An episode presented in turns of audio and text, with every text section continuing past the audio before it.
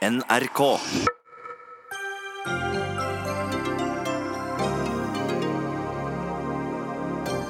Er det norske debattklimaet blitt eh, røffere, eller tåler vi bare mindre enn før?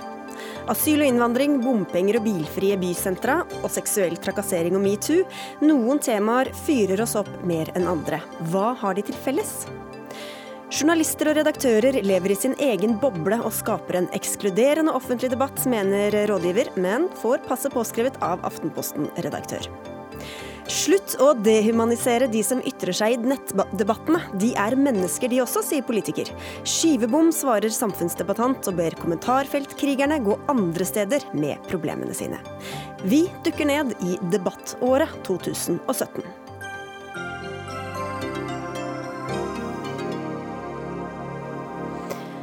Og hjertelig velkommen til et opptak av Dagsnytt 18 i NRK P2 og NRK2. Jeg heter Sigrid Solund. Og gledelig jul til alle som lytter, og til dere i studio. Dere er altså Trine Eilertsen, politisk redaktør i Aftenposten, Ester Mo, ansvarlig redaktør i Suldalsposten, Svein Tore Bergestuen, rådgiver og forfatter, og Espen Teigen, som er politisk rådgiver for innvandrings- og integreringsminister Sylvi Listhaug. Dere kan gi lyd. Hei. Hei, hei. God dag. Vi skal først snakke om norsk debattklima. Debatten om debatten, om dere vil.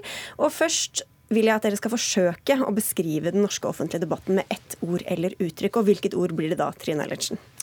Fragmentert. Fragmentert. Og Espen Teigen? Betent. Betent. Ester Mo? Faste lag. Faste lag. Og Bergestuen? Krevende. Ja. Dere kan få utdype litt seinere, for dere skal følge med oss gjennom denne sendinga, hvor vi også får besøk av noen flere gjester. Nå er vi altså på vei inn i et nytt år og ut av et annet. Og Som vanlig har det vært noen saker som virker mer opphissende både på dem som deltar i den offentlige debatten, og dem som overværer den. Her er noen få øyeblikk fra året som gikk. Du er et dårlig menneske hvis du vil ha en streng innvandringspolitikk. Det er rein løgn.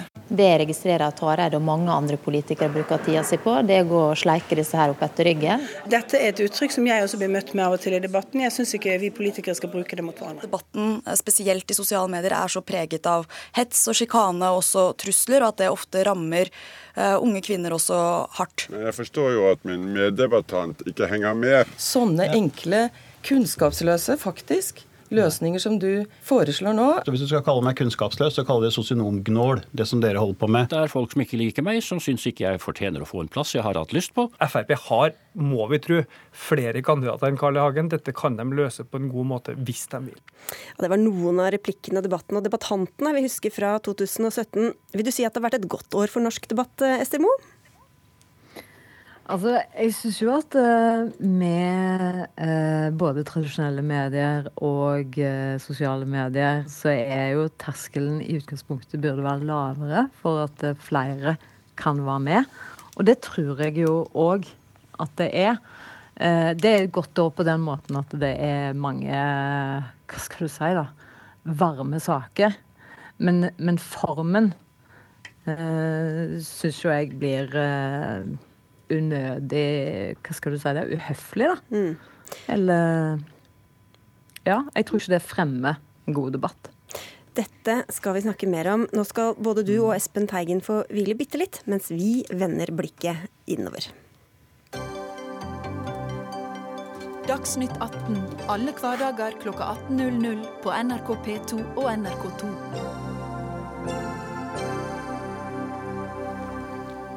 Norske journalister og redaktører er fortsatt viktige premissleverandører i den offentlige debatten. Men hva slags debatt legger de, eller skal jeg si vi, opp til? Svein Tore Bergestuen, du har hatt mange roller i norsk offentlighet, som journalist og programleder, som rådgiver for Hadia Tajik i Arbeiderpartiet, og nå er du selvstendig rådgiver og forfatter. Og du har en ganske nedslående beskrivelse av hvordan norske medier bidrar til den offentlige debatten. En elitistisk debatt som det nesten er umulig å følge med på. Hvordan er du kommet fram til den diagnosen? Ja, høres, Når du sier det, så høres det litt dramatisk ut, må jeg innrømme. Nei, det er vel fordi at selv eh, folk som oss, og som meg, som tar en pause på noen dager eller uker fra Politisk kvarter, og skal prøve å henge seg på igjen, selv selv vi klarer ikke helt å henge med. Fordi det har blitt en, en, en, politisk debatt som jeg er redd for er for de spesielt interesserte, og for de som følger med hele tiden.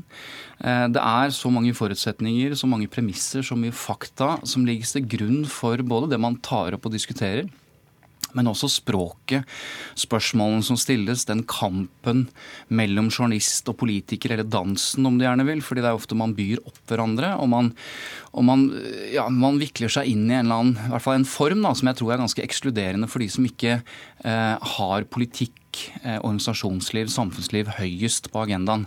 Og Det tror jeg er synd, for jeg, vi har fått færre av de debattene. Vi tror kanskje vi har fått flere. Jeg tror vi har fått færre av de gode debattarenaene. Ja, hvordan eh, er det blitt sånn? da? Hva er det som gjør at det blir, hvis, hvis vi nå følger ditt resonnement, at, at, det faktisk er sånn og legger det til grunn?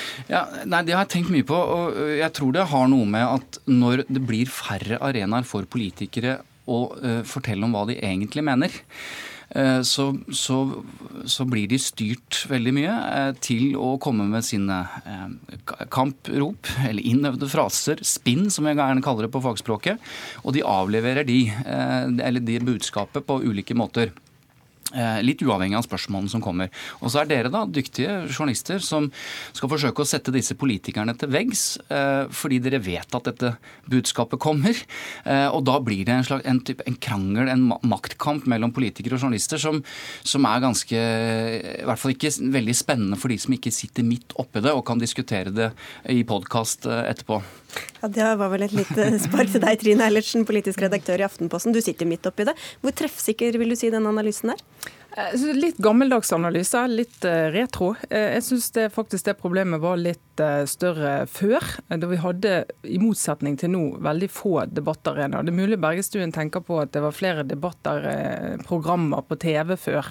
At det er målestokken. I så fall er det jo færre av de.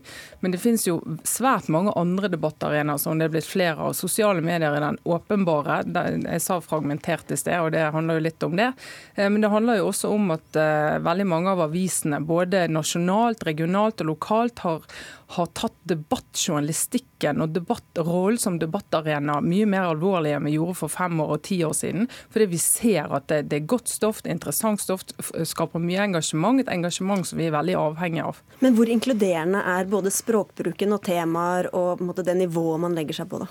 Ja, det kommer litt an på saken. Det går ikke an å generalisere det. For det er noen saker, og der er jeg jo enig med Bergestuen, at hvis du følger en, en litt sånn hva skal jeg si, kompleks skattedebatt over tid gjennom en høst i Dagsnytt Dagsnytt 18 f.eks. har vært ute i 14 dager, så kommer du inn og ser at nå er den debatten har reist av gårde, og jeg har ikke hengt med. Så det er ganske sånn krevende å komme inn igjen i akkurat den debatten. Men så er det andre saker som er mye mer eh, hva skal jeg si, mer inkluderende, mer folkelige. Det er flere av de. Flere av de har sitt utspring hos lesere, hos et engasjement i sosiale medier. Men alle redaksjonene sitter jo nå og overvåker sosiale medier og ser hva skjer der, hva snakker folk om.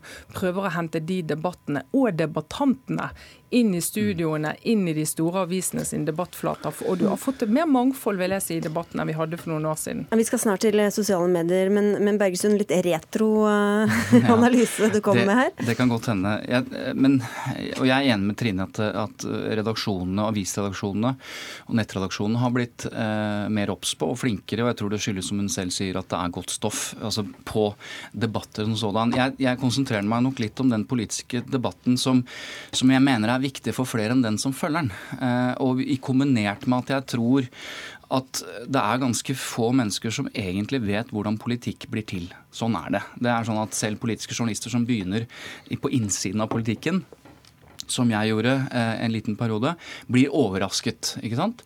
Og så er det et eh, Jeg vet ikke om vi skal bruke et så stort ord som demokratisk problem, men hvis det er færre som hele tiden vet hvordan politikken blir til, og vi mangler de arenaene som åpner opp det, eh, altså åpner opp det rommet og forklarer folk hvor de skal engasjere seg, hvordan de skal engasjere seg for å forandre samfunnet f.eks., som jo er viktig i et demokrati, så mener jeg at de politiske arenaene, debattarenaene vi har i dag, de egner seg ikke for det. Altså Det er for konfronterende, virker det som? Og ja, altså for ekskluderende. Jeg tror det er faktisk klart det kunststykket å bli begge deler. Både elitistisk i den forstand at det er en liten gruppe som holder seg med sitt språk og sine formuleringer og sine, sine temaer.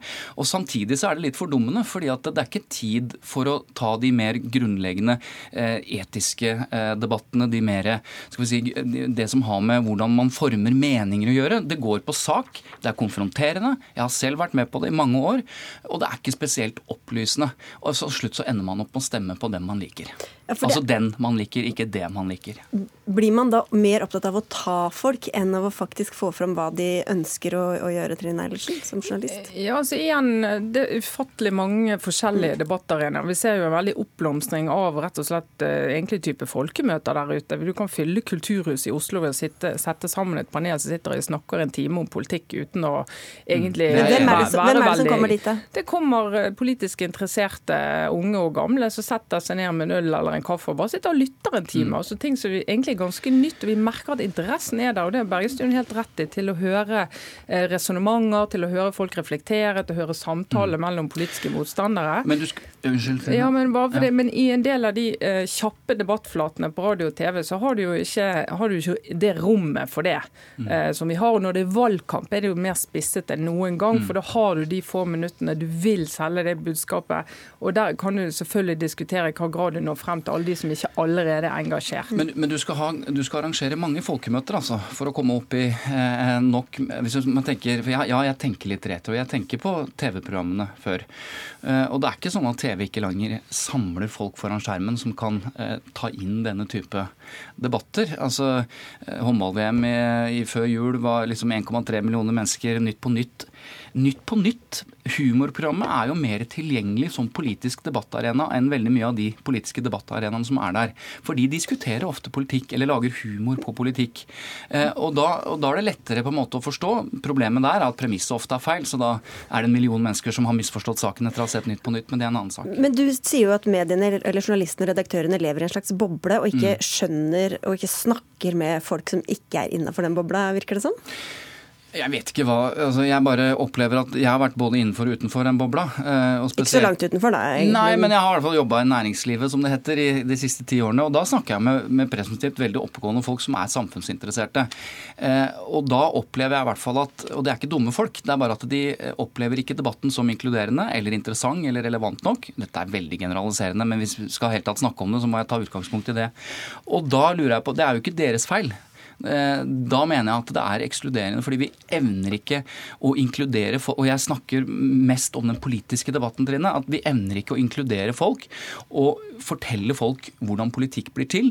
Vi er mest opptatt av å konfrontere politikere med det de sa i forrige uke. Og det er ikke veldig oppbyggelig, altså. Men, men det som eh, vi jobber med alle for altså jeg, jeg er helt enig i at vi har, veldig, vi har langt å gå mye å gjøre vi på å, å skape inkluderende, ikke bare debatt, men saksfremstilling. For det ofte er jo debatten endepunktet før du har, mens du har Mm. jobbet med en sak. Og så tror jeg jo faktisk at altså, eh, de digitale mediene gir oss en mulighet til å følge hva leserne er opptatt av. De orker ikke å lese implisitte internsjargongsaker om politikk. Det er ingen som orker å lese det.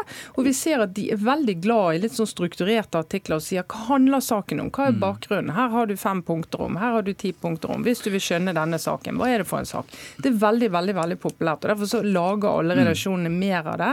Og det gir jo i hvert fall flere, da, hvis de leser de sakene, bedre forutsetninger for å lytte til debattene. Som jeg tror du aldri vil klare å lage en debatt som inkluderer absolutt kjernen i saken, pluss alle de som aldri har hørt om saken. For det er vel en del undersøkelser også som viser at bare, bare språket gjør at veldig mange ikke i det hele tatt skjønner, skjønner sakene. Ja, enormt. Der tror jeg jo våre politikere har en utfordring, og mange av oss har jobbet med politisk journalistikk, blir veldig fort sosialisert inn i, den, i det språket og den ordbruken. Mm. Og det er sånn- snakker på en altså, måte Trine som skaper jo- avstand. Trine kan referere til en, en debatt, øh, og dette er ikke noe kritikk av verken Dagsnytt 18 egentlig, eller, I så fall må du bare la det ligge. Nei, men ikke sant, altså, Det nevnes ja, det er en NOU, sier folk. ikke sant, En norsk offentlig utredning. Mm. Eh, Folk vet jo ikke hva en NOU er. ikke sant, Men hvis du hadde forklart hvor viktig en NOU er for nettopp skapelse av politikk, og hva slags samfunn vi lever i, så har det plutselig blitt interessant. og Derfor er det Trine sier veldig viktig. altså det å, det å være mer pedagogisk. Fordi vi får jo ofte beskjed om at nei, vi skal ikke undervurdere folk. Nei, ikke folk. Men vi kan ikke, vi kan ikke overvurdere heller deres interesse for politikk når vi ikke klarer å forklare det. Så det handler ikke om liksom dumme og smarte folk eller, eller sånn. Det handler mest om eh, Jargongen. ja, Ja. og tilgjengeliggjøring av det som er viktig Men, i samfunnet. men i et program, da, la meg si tenkt eksempel, Dagsnytt 18. da ender det jo de, de debattene du beskriver, høres jo litt ut som et seminar. Nei, jeg tror ikke det, og, der, og det var du inne på. Altså, jeg tror du ser at Altså meninger, Hvordan meninger dannes. Hva mener jeg om aktiv dødshjelp? Hva mener jeg om, om innvandring? Ikke bare overflate, men litt sånn dypere sett. Altså Folks meninger formes i yngre år. Det er ikke sånn at det er gamle folk som er interessert i de der lange debattene, mens yngre bare skal ha de kjappe. og Der tror jeg vi har gått på en smell alle sammen. Jeg prøvde å lage et debattprogram for yngre på TV for mange år siden. Det gikk skikkelig dårlig. For man trodde liksom bare man var litt skarpere i kantene og litt mer tabloid, så ville unge se på det. De så bare en annen variant. Jeg tror yngre er mer interessert i å vite hvorfor. Hvorfor skal de mene dette? Hvorfor skal de gå i denne retningen? Hvorfor skal de engasjere seg? Og Da hjelper det ikke å liksom konfrontere politikere eh, med det dere vanligvis gjør. Da må man ha arenaer som gjør det mulig å sette seg inn i dette og engasjere seg. Så hvor går de, da, som ikke vil være med i denne dansen? Ja, det er ikke noe nå, i hvert fall. Det er, det er som du sier, det er folkemøter, og det, er, det, er, det, skapes nye debattarenaer. Jeg har jo vært interessert i kraften i fjernsyn, som jeg tror fortsatt er der. Nå sier jeg til og med fjernsyn. Men, men, Ikke noe retro der, nei da. men jeg tror det er mulig å samle folk fortsatt. Ja. Og så eh, får vi da en slags bro over til neste sak, for nå skal vi snakke om sosiale medier, hvor også mange forsvinner. Da kan dere ta en tur ut på gangen, Trine Eilertsen og Svein Tore Bergestuen.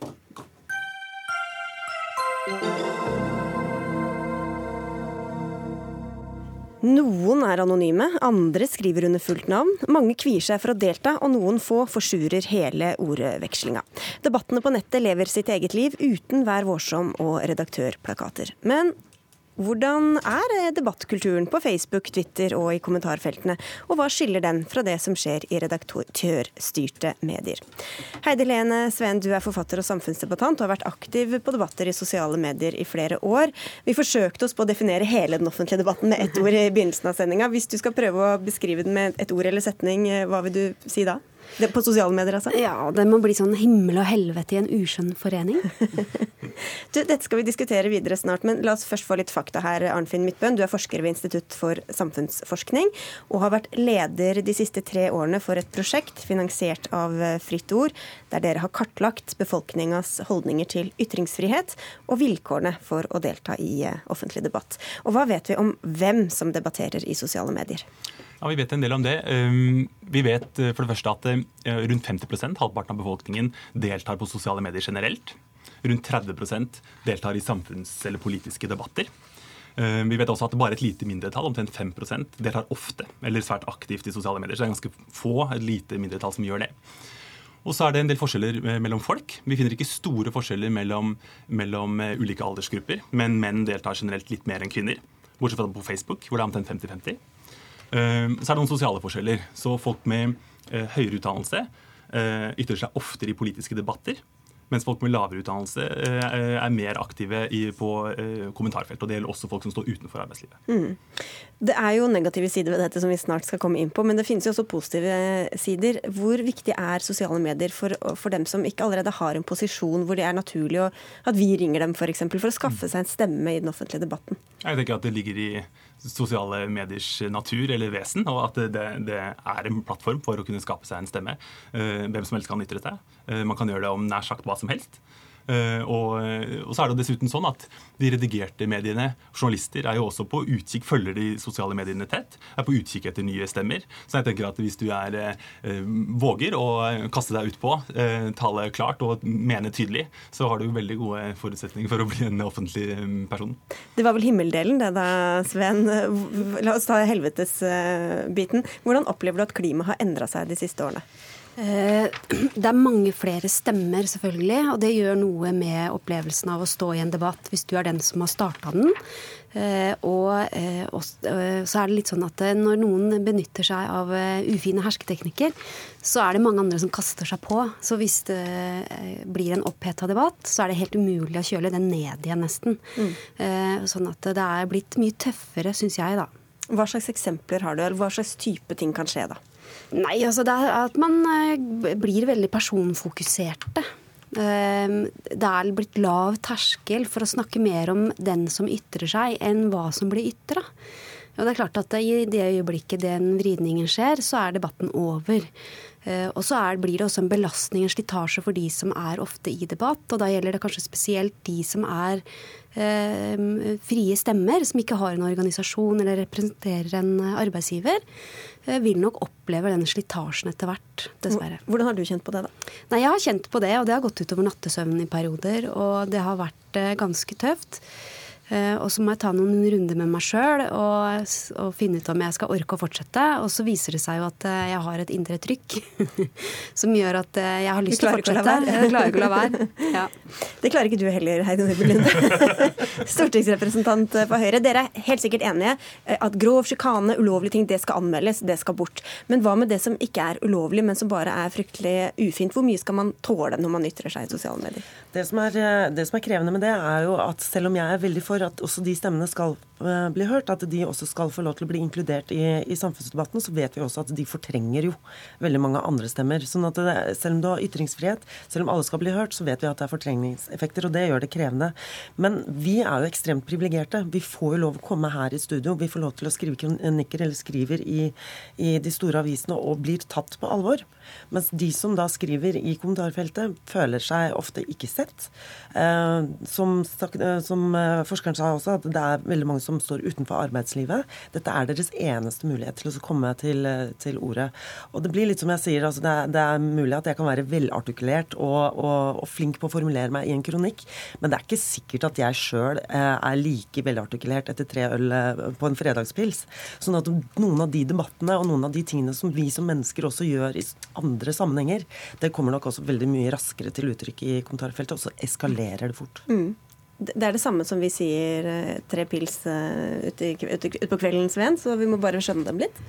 Ja, nei, jeg, jeg er uenig i det. Jeg, jeg føler ikke at eh, de som hetser eller bruker kommentarfeltene for å få ut noe personlig agg, fortjener eh, dulling. Eh, det er fint på at man som forsker for eksempel, eller politiker er interessert i den gruppa, og finne ut hva det er som plager de. Men eh, i debatt altså For meg som er debattant, så har jeg ikke så veldig mye sympati for de. For det, den oppførselen den fortrenger, akkurat som Heidi Nordby Lunde sier, den fortrenger andre stemmer.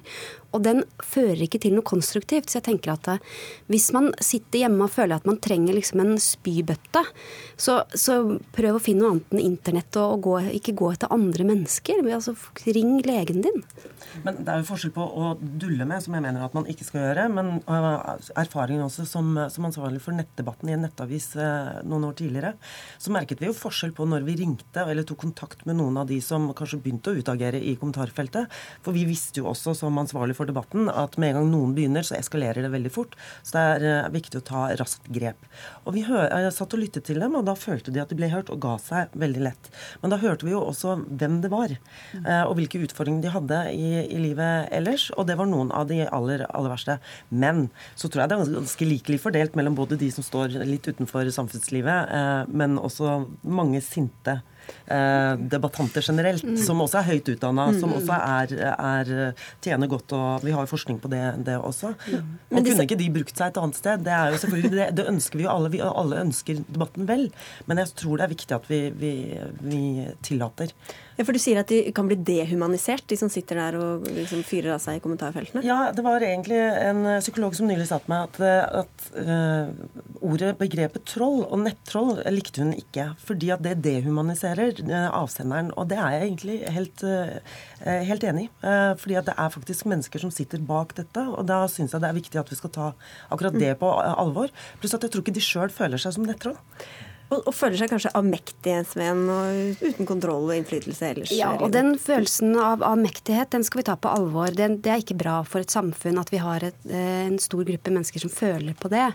Eh, Og det er jeg helt enig i. Eh, Så tenker jeg at om vi bruker ord som nettroll eller, eller andre begreper på disse folka, så tenker jeg at problemet er vel egentlig omvendt. At disse som sitter sitter eh, og kommenterer da seint på kvelden eller sitter hjemme i mørke kjeller eller hvor de nå sitter, jo, de driver jo med dehumaniseringsretorikk. De går jo til direkte angrep på navngitte mennesker eh, og raljerer og holder på.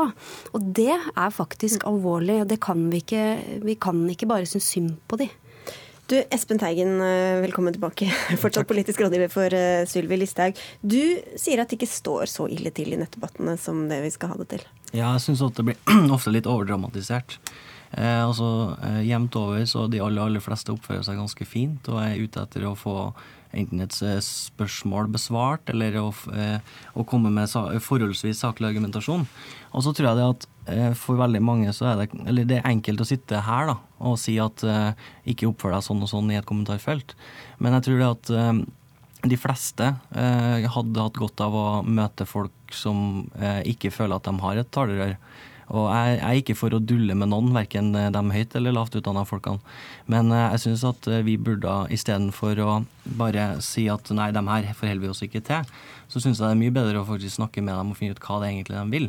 Men, men hvis jeg skriver noe, eller hvis Heidi Lene Sveen eller Nordby Lunde eller du skriver noe på nett, Facebook, og så får du tilbake 'hold kjeft, din hore' eller et eller annet sånt, nå skal man da liksom si Uh, uff da, det var ikke så hyggelig. Hvordan har du det egentlig? Eller altså, Hvordan skal man gjøre dette i praksis? Nei, altså, jeg synes at eh, Det er jo en veldig, et eksempel på veldig lite konstruktiv tilbakemelding. Da, og da vil jeg jo bare drite i vedkommende. Ja, Så det er rådet, bare ikke bry deg? Er... Ja, altså Hvis du går så langt som det, så syns jeg det ikke er verdt uh, Men altså, poenget er at um, hvis du kommer med f.eks. som jeg opplever da, ganske sleivete bemerkninger i innvandringspolitikken, så er det ikke sånn at uh, det nødvendigvis innebærer sånne type ord, men det er mer en litt sånn kanskje ubehøvla måte å snakke på som vi ikke gjør i den litt mer fine altså Sitter ikke på Dags 18 og snakker sånn. Men for veldig mange så er det faktisk sånn de snakker, og det er forskjeller i dialekt og kultur og alt mulig sånne ting. Så man må ikke tro at alle sammen har en ond hensikt, selv om de kanskje fremstår sånn. Altså, jeg, jeg er ikke så jeg er ikke så interessert i hensikten bak, for den, jeg, den, vet ikke jeg noe om. Den har ikke jeg tilgang til. Men jeg ser effekten. Eh, og den tenker jeg at eh, er viktig å snakke om, og den må vi gjøre noe med. Vi må alle sammen ta det ansvaret, og særlig vi som deltar i debattene og som er aktive på Facebook. Vi må tørre å si når folk går over streken. Vi må eh, vise at vi er flere som, som vil ha en, en, bra debatt og en høflig og høvelig debatt, enn de som bare syns at man kan sleive rundt seg med, med drittkommentarer. Det tenker jeg at det ansvaret må vi alle ta. Og Espen Teigen som nettopp drifter drifter en Facebook-side eh, hvor det ganske ofte flommer over av fæle ting, særlig retta mot innvandrere, bør ta det mye mer på alvor enn det han gjør her nå. Dere har jo bygga opp en Facebook-side med veldig mange følgere, aktive deltakere. Hvor godt drifter dere den og modererer den for å sørge for at det er en saklig god tone? Vi prøver vårt aller beste, men også det er begrensninger på to mennesker som modererer siden, nemlig meg og Sylvi. Eh, og det, når det flommer inn tusenvis av kommentarer, så er det selvfølgelig ubegrensa muligheter. Altså, det vil jo være ubegrensa. Men dere har jo gått aktivt ut for å skaffe dere så mange følgere. så hvilket, altså, følger dere da opp med, Hvorfor følger dere ikke opp med mer ressurser for å moderere det? Fordi jeg tror ikke noen har sett pris på at vi bruker skattebetalernes penger i Justisdepartementet på å ansette folk til å moderere Facebook-sida til Sylvi. Eh, men når det er sagt, så, så tror jeg det at eh, det viktigste er å statuere eksempler, og det har vi gjort jevnlig. Dette er ikke godt nok. ikke sant? Fordi at eh, dere har, eh, dere har, ansvaret for det kommentarfeltet. Og hvis dere ikke har kapasitet til å følge opp, da må dere eh, legge ut færre poster, rett og slett. Når dere skal poste noe dere vet er betent, og dere legger opp til en retorikk som oppildner kommentarfeltet, og det gjør dere helt bevisst, da må dere i hvert fall vite at dere har tid, en av dere, til å sitte der resten av kvelden og moderere. Og hvis dere ikke kan vite det, da syns jeg dere skal la være å poste. Ja, Det er jeg fullstendig uenig i. For det, første så er det ikke sånn at vi oppfordrer til verken hat eller hets. Snarere tvert imot. Vi har jevnlig gått til forsvar av både Hadia Tajik, Mani Hussaini og en rekke andre som har opplevd veldig mye drit på Facebook og andre plasser. Men det er begrensa hvor mye man skal bruke tid og energi på ren grums. Men dere vet og, erfaringsmessig når det kommer og ikke, vil jeg anta? Altså Det postes jevnlig hele tida. Det postes mens Jeg kan ikke sitte og moderere mens jeg sitter her.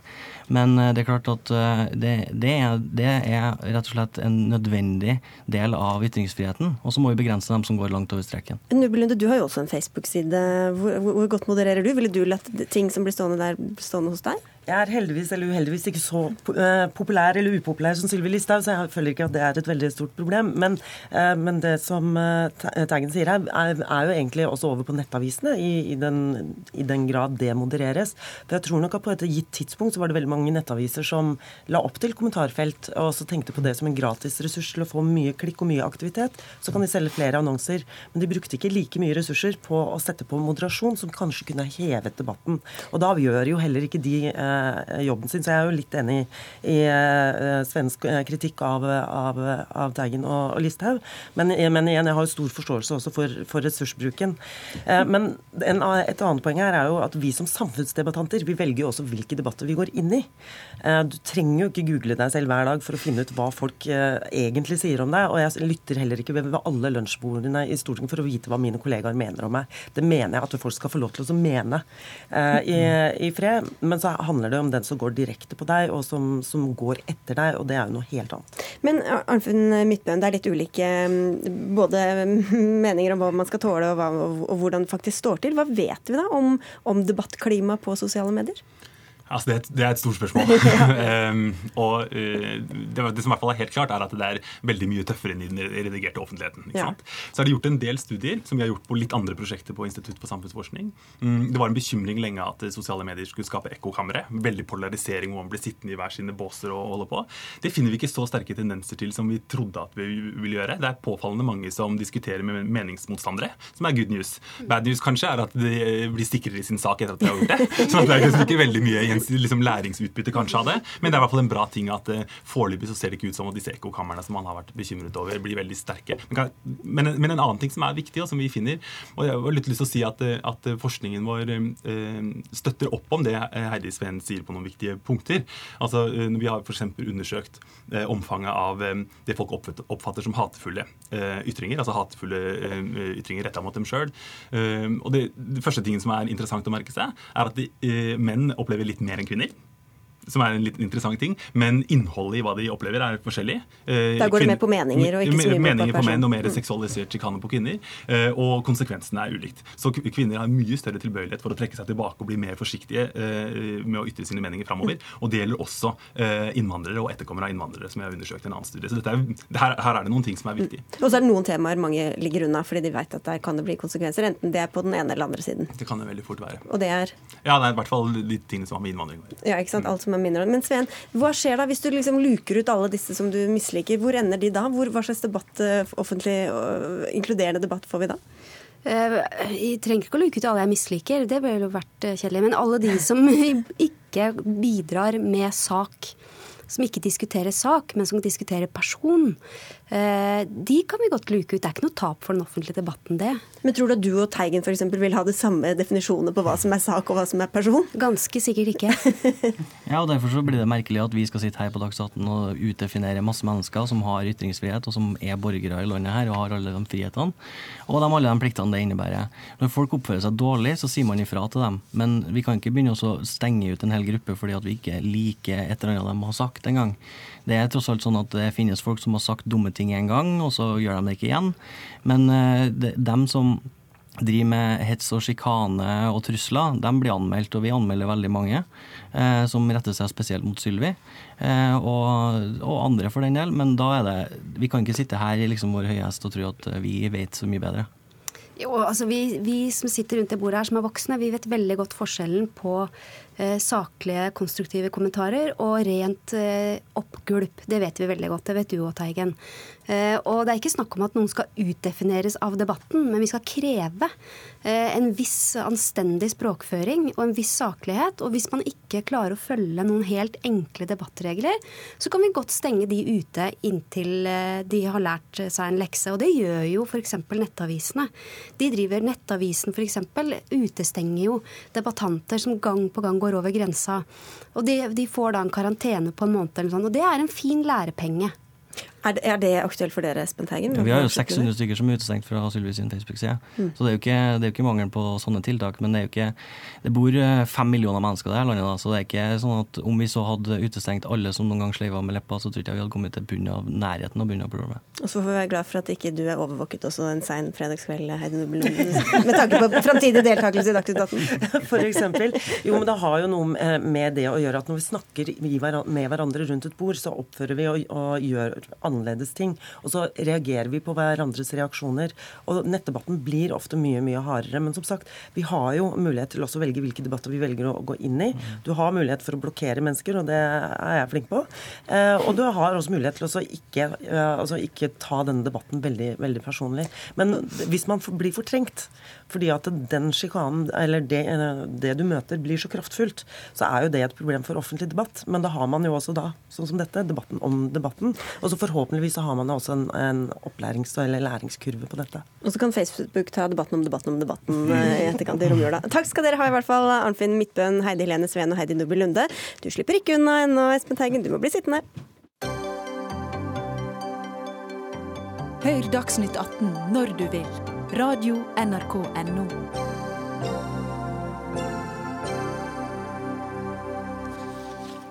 Alle som deltar i debatter eller forsøker å styre dem, enten det er i avisspaltene, på Facebook eller rundt middagsbordet, vet at det er noen temaer som splitter mer enn andre. Ulvedebatt, lokaliseringsdebatt, distriktspolitikk, Midtøsten, likestilling. Emner som alltid skaper engasjement, så også i året vi legger bak oss. Men når det kommer til steile fronter, er det likevel ett tema som slår de andre ned i støvlene, eller snarere en salig saus av temaer, med ingredienser som asyl, innvandring, islam og norske verdier. Norge har vært et kristent land i tusen år. Det er ingen tvil om at de verdiene som vårt samfunn er bygd på, er under press, og at det vil øke i takt med en stor innvandring, som bl.a. KrF og Knut Arild Hareide har vært en eh, ivrig tilhenger av. Og så står Sylvi Listhaug nå og sier jeg ønsker å hjelpe flest mulig der de er. Når de altså kutter i støtten til mennesker på flukt. Hvis vi nå hadde sagt at vet du hva, nå skal vi ta imot masse flyktninger, eh, altså kvoteflyktninger, så ville det vært et signal. Men altså, Hvis vi skal opprettholde et, et håp for de flyktningene som nå er i områdene rundt Syria, så må vi gjøre noe for å, for å få, få dem hit å presisere at dette var forskjellige debatter og ikke et sammensurium i én debatt. Men du, SMO, ansvarlig redaktør i Suldalsposten. Her hørte vi bare bitte litt av debattene fra året som gikk. Du sier at dette feltet, som du var inne på innledningsvis, blir veldig preget av at det er faste lag. Der avsenderen teller mer enn budskapet. Hva mener du med det? Ja, jeg opplever jo at det, det danner seg eh, noen sånne fronter, da, eller fort Eh, og, og, hva som kjennetegner de, er jo kanskje litt så vanskelig å være helt eh, presis og definerende på. Det har jo noe med politiske fløyer å gjøre. Eh, og inni de så bygges det inn mange sånne saksfelt hvor man hvor jeg opplever at folk kanskje er litt sånn klare for Sikkert jeg òg er, er, med på det. Og på en måte bevare hele fortet. Eh, sånn at i forskjellige saker så kan du kanskje ofte litt kjedelig forutsie hva folk vil mene og tenke eh, og ytre.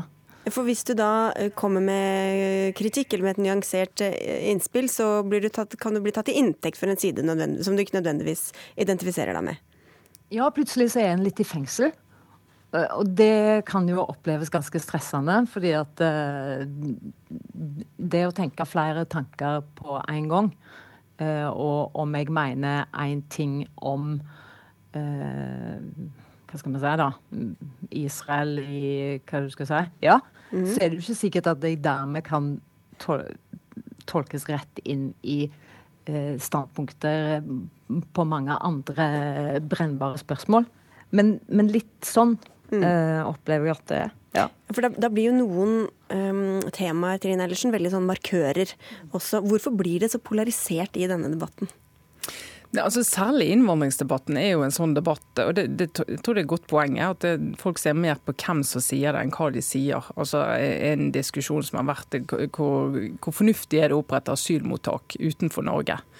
Eh, og det, Hvis det kommer fra en i Frp, så blir det kategorisert som helt umenneskelig. Helt forferdelig ting å gjøre.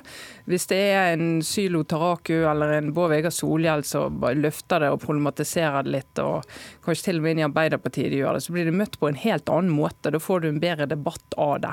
Og hvorfor blir det sånn? Jo, jeg tror altså en del som, eh, som deltaker i denne debatten vil da si at den, den fra Frp som sier det, han mener egentlig at vi må bare gjøre dette så vi slipper å få disse fæle menneskene til Norge. Han er, vil ikke godt.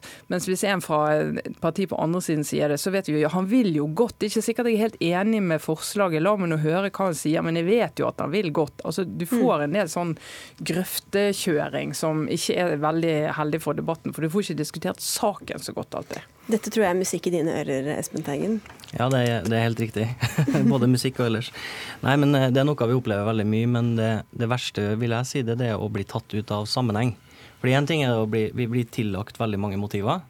Eh, men eh, det er det å bli tatt ut av sammenheng som gjør at utsagnene blir så grove. Og vi har jo sett flere ting, f.eks. fra valgkampen og sånt, hvor man tok utsagn fra, fra min sjef, Sylvi Listhaug, og gjorde dem om til noe helt annet enn det de egentlig Både intensjonen, som jeg vet, var, og det rent faktiske i det utsagnet. Og det er jo Hva slags eksempel er for Nei, altså En ting som var gjenganger, var jo her, det utsagnet om den såkalte gullstolen. Eh, hvor det ble hevda at, eh, at Sylvi mente at man bar, eh, bar flyktninger på gullstol til Norge. Eh, og det har jeg ikke sagt i det hele tatt. Hun sa det at man ikke kan bære dem på gullstol til å bli integrert i Norge. Og det betyr jo at du må stille deg krav, ikke sant, og ikke eh, sy putene i armene på noen.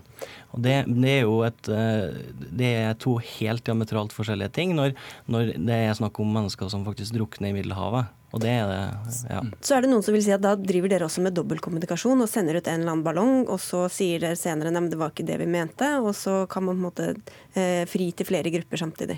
Jeg vil tro at det er For det første så er det veldig lite folk som syns at det er noe hyggelig at noen drukner i Middelhavet, så det er ikke en gruppe å appellere til.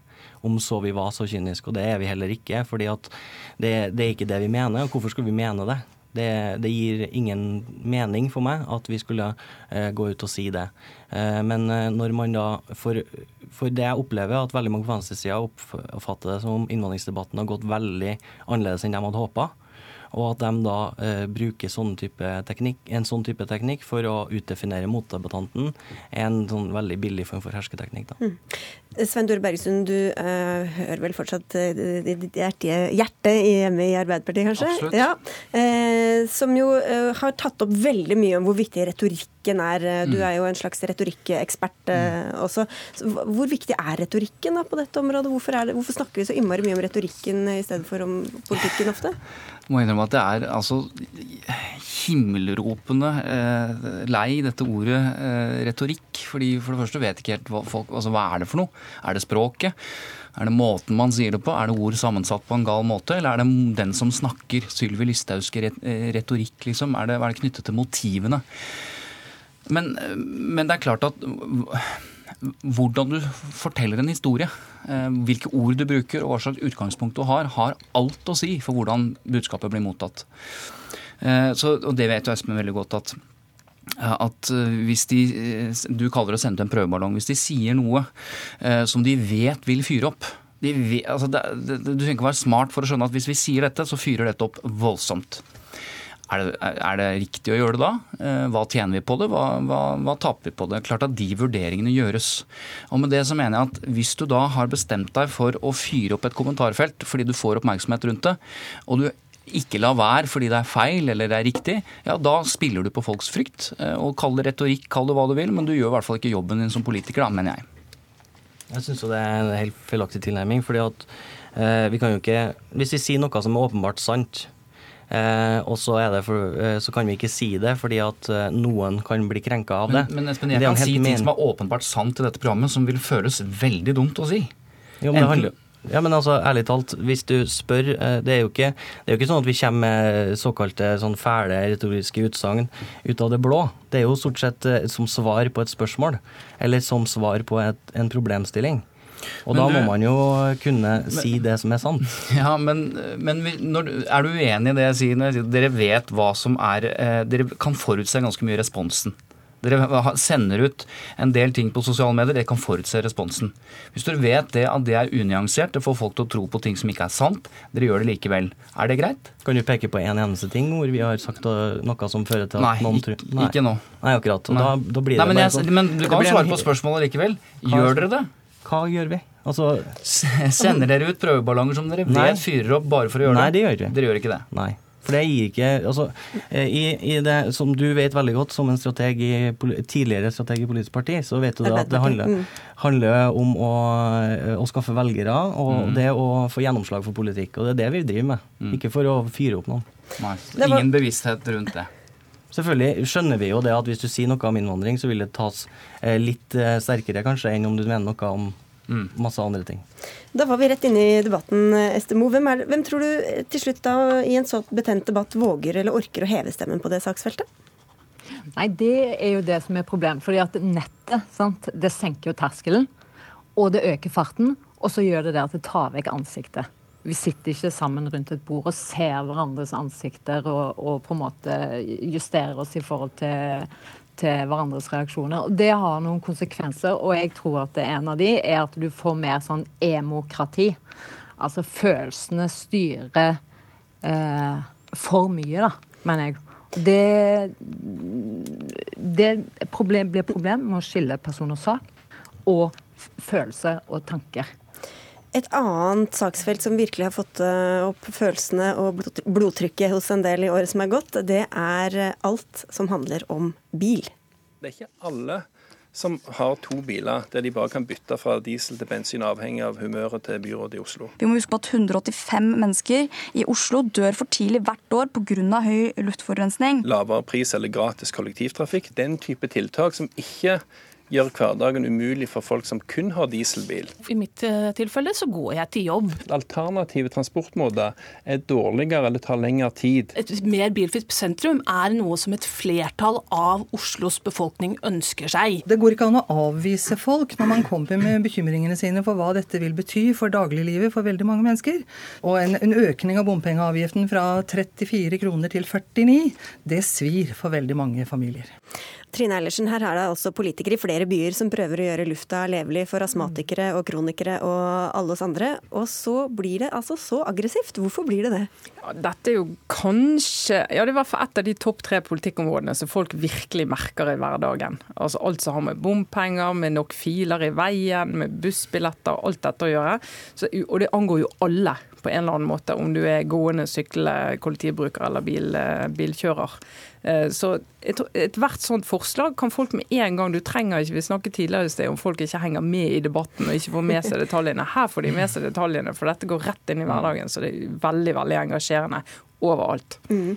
Espen Teigen fra bilpartiet Frp. eh, Hva tror du det er at, som, som gjør at liksom dette eh, hvert fall på den, altså den ene siden blir det i hvert fall veldig høylytt. eh, Hører ikke så ofte astmatikerne rase i, i nett, nettavisene? Nei, Jeg tror det har også et moment som vi ikke har sett før, nemlig det at MDG kom inn og begynte å eh, det jeg vil si da, moralisere over andres personlige valg. Og når man moraliserer og sier at du bør ikke kjøre bil fordi det er dumt for et eller annet, så er det med en gang en diskusjon om eh, noe som folk tar veldig nært på seg. Fordi at de aller, aller fleste trenger bil. Eh, og de aller fleste bruker bil, gjør ikke for at det er så utrolig morsomt, men for at de skal komme seg fra A til B. Og når man da oppfatter det som bagatelliserer hverdagen til folk, så skjønner jeg godt at de blir forbanna. Ja, ja, dette er kjempeinteressant. fordi dette her, eh, altså Bilproblematikken eller bilklimaproblematikken den topper ut alle de der kriteriene for hva som er en god sak. ikke sant? Det er, konflikten er åpenbar. Eh, vesentlig er fordi du har klimaelementet. Dette har noe å si for hele liksom, verdens klima, eller det du kaller et eller annet, da, Espen. Men også har, du, også har du identiteten, som du har helt rett i. ikke sant? Hvordan vi, det er noen veldig nært på oss. Det er bilen vår, det er hverdagen vår. Og så er det sensasjonen. Altså Det som NDG har gjort i Oslo, vil jo mange se på som en enten positiv eller negativ sensasjon. De har liksom gjort veldig mange liksom ganske kraftige grep. Sensasjonelle grep. Og det er aktualitet. Altså Det foregår hele tiden hver dag. Og Nå nevnte jeg de fem kriteriene som på en måte gjør at sant, du flagger alle de til topps. Da snakker vi om det hele tiden, hver dag. Estemo, du, du eh, sammenligner dette med våpendebatten i USA. Litt spist, men, men, jeg tror det fordi at det, jeg tror det oppleves eh, bil er en nødvendighet. Det er en del av løsningen hvordan vi er gode borgere og kommer oss på jobben og leverer ungen og alt det der. Men så er det jo også en sånn frihetsfølelse, iallfall syns jeg. Tråkke på gassen og bare room. Og når de to blir angrepet på likt, da så er det litt Ja. Da blir det som når noen prøver å ta geværene fra en jevne amerikaner. ja, jeg tror kanskje at, uh, Men det er ikke så dum sammenligning, det. Nei. Fordi, mener jeg, fordi det er nettopp den, der, den følelsen Vi klarer jo ikke å sette oss inn i hva slags følelse amerikanere har til våpen. Det, det tror jeg ikke. Men, men, det er noe av det samme. Mm. For det, det, griper så inn i, i, i både liksom identitet og, og, og mm. opplevelse ja. av e-, egen kontroll og alt dette der. Dette mm. bestemmer vi over. Hvem, så Distriktsdimensjonen ja, er jo også, den er jo kjempeviktig i, i norsk politikk politikk, og det høres jo helt ko-ko ut for en som bor noen mil utenfor Norges fjerde største by, og at noen sitter og er misfornøyd med at trikken går bare hvert tiende minutt og ikke hvert fjerde minutt.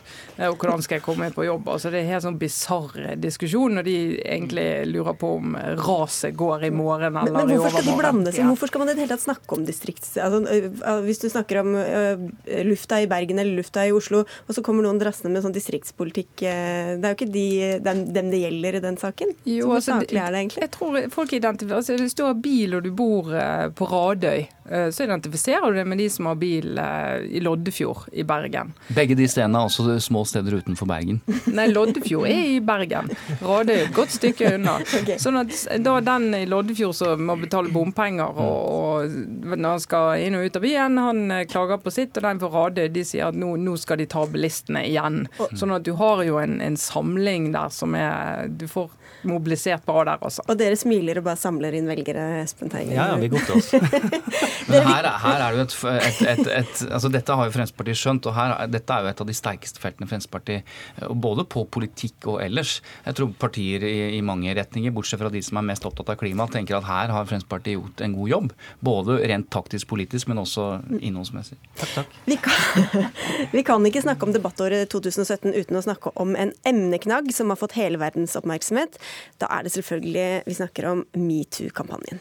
Denne kampanjen kan bidra med å løfte fram viktige historier fra både eh, unge jenter, eldre kvinner, eh, altså over hele verden. Eh, jeg tror ikke vi hadde hatt denne diskusjonen om seksuell trakassering, som er en viktig diskusjon nå, hvis ikke vi hadde hatt den kampanjen. Dette må vi ta på alvor. Dette er, er faktisk et problem. Under denne hashtagen så er det utrolig mange forskjellige hendelser som settes i samme bås. Og jeg er så redd for den krenkingskulturen som ber om seg, hvor når vi opplever noe vi syns er dypt ubehagelig eller ikke liker, så reiser vi oss opp og går. Det er jo alltid sånn at vi, vi får beskjed om å tåle litt, og så ser vi når vi prøver å ta igjen, at de som mener at vi skal sitte i mottakerenden og tåle litt, ikke tåler at vi tar til motmæle. Det med sjargong går vel mer på det sexistiske, det at jeg er en gammel mann med en sånn gammel gris-tilnærming og serverer dårlige historier det vil vatne til slutt her. Svein Tore Bergestuen, hva vil du si har preget metoo-debatten i Norge? Eh, alt. Det er, det er, som blir sagt her, det er, jo, det er veldig mye i én skål. Men det jeg tror jeg har behov for å si, er at eh, man hører motreaksjoner hele tiden. ikke sant? Man er redd for at det skal bli krenkelsessamfunn. Man er redd for at menn ikke skal forstå hvor grensene går, at de ikke skal få lov til å klemme på jobb og alt det. Ingen av de liksom, redslene deler jeg. Eh, det er fortsatt sånn at målt opp mot det bildet, eh, det store bildet, hva kvinner utsettes for hver eneste dag og har blitt utsatt for på jobb, eller, eller den risikoen de løper som ikke vi menn løper, den frykten er så mye mer dominerende. Eh, og den er så mye viktigere enn den redselen som, som jeg opplever at disse motreaksjonene Jeg er jo enig i at man ikke skal putte alt oppi en bås. At man ikke skal få lov til å være morsom lenger og sånn. Men frykten for at det får noen konsekvenser for samfunnet vårt, den er helt ubegrunnet, mener jeg. Debatter i Norge følger ofte en veldig sånn forutsigbar dramaturgi. Eh. Trine Eilertsen. Noen sier noe, og så kommer plutselig en annen side fram, og så skifter hele. Men, men, her har jo denne, eh, til tross for alle motforestillingene, har, har liksom kjøret eh, Eller metoo-kampanjen har beholdt kjøret i seg hele veien. Så er litt utypisk sånn sett. Ja, på til side, det er verdens viktigste hashtag. akkurat nå har vært i høst fordi at den har ført til endringer. Og det vi har sett er at, at det var bare, det var ikke bare en hashtag og en sak i USA og så en parallell i Norge, og så har vi diskutert det. Men saken har jo vokst og vokst og vokst. Og det har jo kommet opprop fra stadig nye yrkesgrupper, kvinner i stadig nye yrkesgrupper, som har eh, fortalt historier, som har eh, gitt sin tilslutning til at det er et problem, det er omfanget er for stort. Og det har på en måte vært helt umulig å bare si at dette er ikke et problem. Og, og, og hvis du klarer å gjøre dette til en diskusjon om du skal få lov å flørte på mm. jobben og gi en klem til en god kollega, da, da har du ikke skjønt noen ting. Mm. Uh, Hvis du ikke skjønner forskjellen, så må du snakke med en god venn og få hjelp til å forstå det. Dette er ikke vanskelig. Det eh, fins ikke vanskelig. Jeg vet ikke om du vil forsvare disse mennene, Espen Teigen, eller? ja, altså, jeg, jeg, tror det blir Det er litt som uh, Bergestuen her sier, nemlig at det er en skål med mye i. fordi at du har både uh, sleivete kommentarer som kanskje akkumuleres over tid, og så har du overgrep. Dere, vi må bare til eh, Det er fem minutter igjen her. Eh, til, eh, tilbake til start, holdt jeg på å si. Dere sa stikkordsmessig i begynnelsen betent, fragmentert, krevende og faste lag om, for, å, for, å, diagnostisere norsk offentlig debatt. Estemo, hva mener du først og fremst ødelegger i det offentlige ordskiftet vi har i dag? Den der litt sånn sjøsvi-manien som vi hadde. At vi må være At jeg må bli deg for å forstå deg. Eh, jeg syns at vi skal beholde Prøve å legge opp og tenke at det går an å ha en vennlig eh, og lyttende form. Gjerne et smilehull i ny og ne. Men at innhold fremdeles kan være ja, polemisk, skarpt. Uh, ungene trenger å øve seg i kritisk sans fra de er små. Mens og vi har to ører og én munn. Og i dag er det da motsatt? At det er slapt innhold, men krass form? Eller er det, er det da det går galt? Ja, jeg syns, eh, jeg syns det. At, eh, at, at, det blir eh, både så emosjonelt på en måte, men samtidig så veldig spist. Og det med hvem er det som Hva er det viktigste? Hvem som snakker, eller hva som blir sagt? Du må lytte òg. Espen Eggen, du sa jo selv at dere ofte føler dere mistenkeliggjort og tillagt motiver og følelser og sånn som dere ikke nødvendigvis har. Gjør dere også det med andre? Vi prøver å unngå det, eh, og vi prøver å legge til litt velvilje når vi prøver å, å eh, mot, si mot andre. Men eh, det er jo klart at det kan jo også gå i kulevarmt hos oss òg, så vi er ikke perfekte på noen som helst måte. Men jeg tror at vi alle har noe å strebe etter, da. Ja, for Hva, hva syns du, da? Hvordan, hvordan, preger det den offentlige debatten? At man liksom havner i skyttergraver og uh, mistolker hverandre? og jo, det, jeg tror det er en kombinasjon av det at man både tillegger motiver, og så er man litt mer lettkrenkelig enn det man var før. Eller man er blitt uh, mer lettkrenkelig. Eh, eller flere som gir uttrykk for det. Og det tror jeg er litt sånn Jeg håper bare det ikke går i den retningen. fordi at litt av det skarpe, det temperatursbaserte i den politiske debatten er også viktig for at folk skal gidde å engasjere seg der.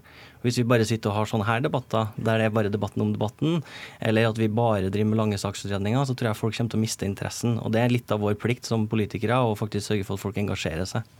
Eilertsen, er vi så lettkrenka, eller, eller er det mer snakk om at vi er lettkrenka enn at vi faktisk blir krenka? Eh, vi snakker i hvert fall mye om det. Men ja, altså både ja og nei. fordi at eh, jeg tror det er en del sånn Altså, det, det, er jo, det, er jo, ganske moderne å si at uh, du må ikke snakke sånn til meg, fordi at jeg, jeg føler uh, du går på hele min identitet på den jeg er. Men jeg syns egentlig debatten i Norge er ganske, ganske ordentlig, ganske ryddig.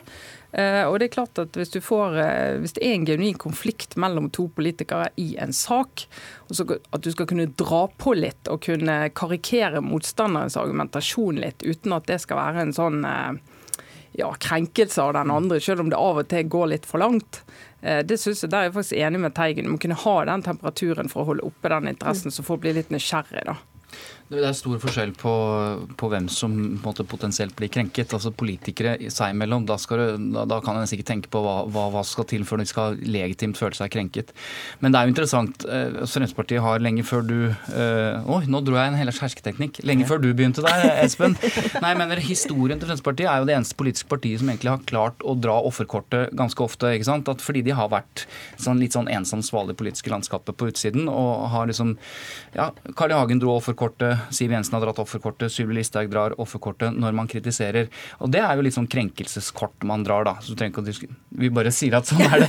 Nei, men, men poenget er at Du vet at tiden er knapp, jo, så du men bare det, kan poenget er at forskjellen er når politikere skal vi si, krenker eller går utover eh, sin rolle som politiker og bruker et språk og en, en metodikk som går utover vanlige folk, som ikke er vant til å delta i det offentlige ordskiftet, som har en grunn til å føle seg krenket, enten de sliter med det ene eller det andre. Det er forskjell på det og det at politikere skal gå rundt og føle seg krenket, for da skal det veldig mye til. da.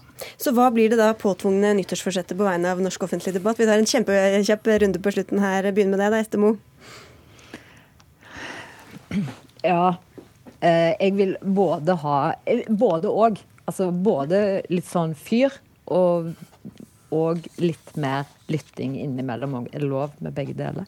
Trine Hellersen. Nei, Jeg vil ha mer humor. Jeg syns det er for lite vittig, rett og slett. Det er for grått og trist. Beklager det. Eh, Trine Nei, Trine Espen Teigen. Humor og engasjerende. Ja, jeg har jo hørt seg ut som en sånn gammel mann øh, i dag, så jeg vil også slenge meg på den. Altså humor, og ikke ta seg selv så høytidelig. Og der tror jeg, der skal jeg skjenke en tanke til, til Erna Solberg, for hun er kanskje den flinkeste til å liksom bare ikke ta seg selv så høytidelig. Og hun er statsminister, og da tror jeg alle kan øh, gjøre mer av det. Altså. Også de fra mitt parti, for å si det sånn. Da prøver vi å senke skuldrene alle sammen. Tusen takk skal dere ha, Espen Teigen, Trine Eilertsen, Svein Tore Bergestuen og Ester Moe. Dagsnytt 18 er over. Eh, Arnhild Myklebust, Frode Thorshaug og jeg, Sigrid Solund, takker for oss.